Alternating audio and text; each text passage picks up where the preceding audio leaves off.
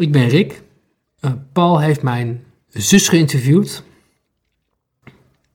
over mij. Ik speel wat mijn zus over mij heeft verteld. Toen onze moeder drie jaar geleden overleed, toen dacht ik voor het eerst: ik heb een broer. Voor die tijd spraken we elkaar alleen als we het konden inplannen. En vaak kwam het daar niet van. Ik heb hem nooit gezegd hoe jammer ik het eigenlijk vond. Nou, dat zijn niet mijn woorden, maar die van mijn zus. Ja, natuurlijk vind, ik dat ook jammer, maar ik geef haar verder het woord.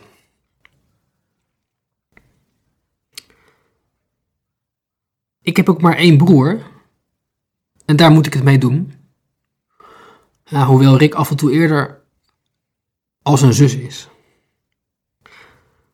Onze moeder had een hersentumor.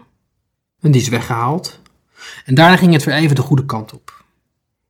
Maar ze konden geen chemo meer geven omdat bepaalde waardes niet goed waren. En ze kreeg daarom een ander soort medicatie waarmee ze stabiel zou blijven. Nou, en Rick geloofde dat ze er met dat spul weer bovenop zou komen. Maar dat gebeurde niet. En daar werd ik boos om. Want ik zag dat ze achteruit ging. Dat het niet werkte met dat spul, die medicatie. En ik vond dat we dat moesten accepteren.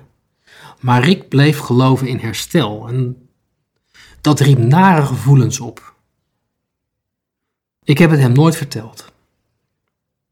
Nou, toen kwam ze in het verpleeghuis en dan ging het hard. Mijn moeder was al naar stenen en naar kisten wezen kijken, samen met onze stiefvader.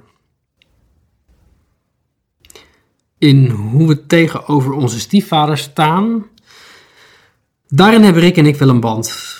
Onze moeder was nog maar een uur overleden, of we kregen al ruzie met hem. Hij verweet ons dat we niet aanwezig waren geweest toen ze haar lieten inslapen. Rick is nog wel wezen kijken die laatste dagen en ik dan niet. Het overlijden van uh, moeder Lief heeft ons wel meer samengebracht. Nou, of we het verdriet echt hebben kunnen delen, dat weet ik niet. Ik was uh, nooit zo'n deler. We hebben elkaar wel nu en dan gesproken, maar niet speciaal over onze moeder. Kijk, we zijn gewoon doorgegaan je gaat toch je eigen weg met je eigen verdriet.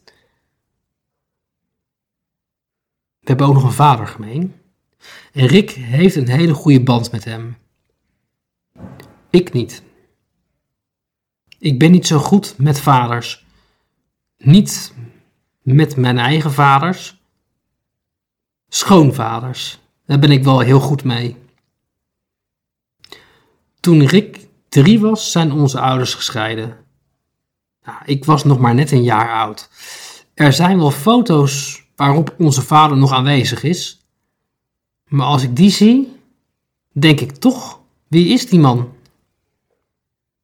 Rick was negen toen onze stiefvader in beeld kwam. Het duurde nog een jaar of zeven voor mijn moeder met hem trouwde.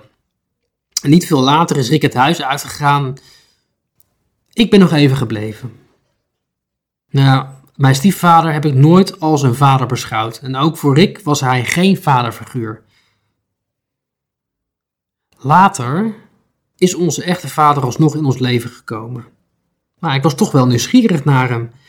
Mijn moeder had het nooit over hem. En één keer had ze met hem gebeld. Toen was ik een jaar of tien. Ik kreeg de groeten van iemand die ik totaal niet kende. En uiteindelijk heb ik contact met hem gezocht en een gesprek gehad. Ik was toen 16. Eh, tussen onze ouders zouden dingen zijn voorgevallen. Waardoor het tot een scheiding is gekomen en dat hij homoseksueel is, speelde daar ook in mee. En hij vertelde dat toen. En ik was helemaal trots. Ik had dus iets wat niemand anders heeft. Mijn vader is homoseksueel. En ik was een flap uit. En ik ging hem meteen aan al mijn vrienden vertellen. En mijn vader vroeg altijd: Hoe is het met Rick? Nou, hij trok meer naar mijn broer dan naar mij. Terwijl ik Terwijl ik toch ook gewoon trots was op hem. Ja, maar Rick is ook homoseksueel. En dat trekt naar elkaar toe.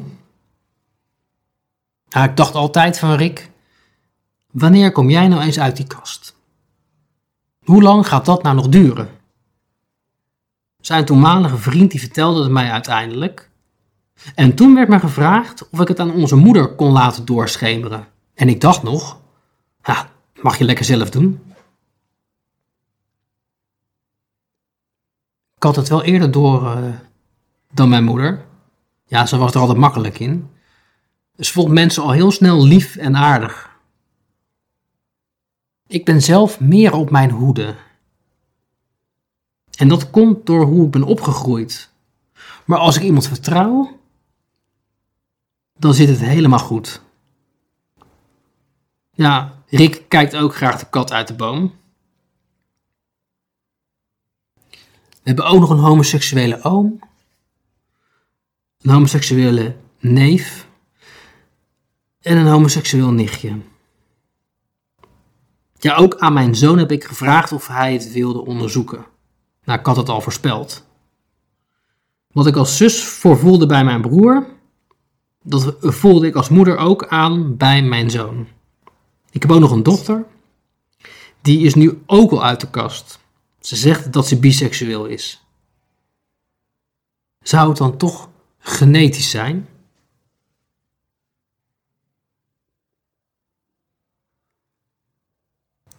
Mijn vader heeft mijn zoon maar twee keer gezien in zijn leven. Nou, dat was mijn schuld. Ik ben niet meer naar hem toegegaan. Alles herhaalt zich. Ik ben ondertussen ook gescheiden. En toch hoop ik dat we elkaar nu vaker zullen zien. Ja, ik weet het. Die verwachting zal ik zelf ook moeten waarmaken. Wil jij dat ook, Rick?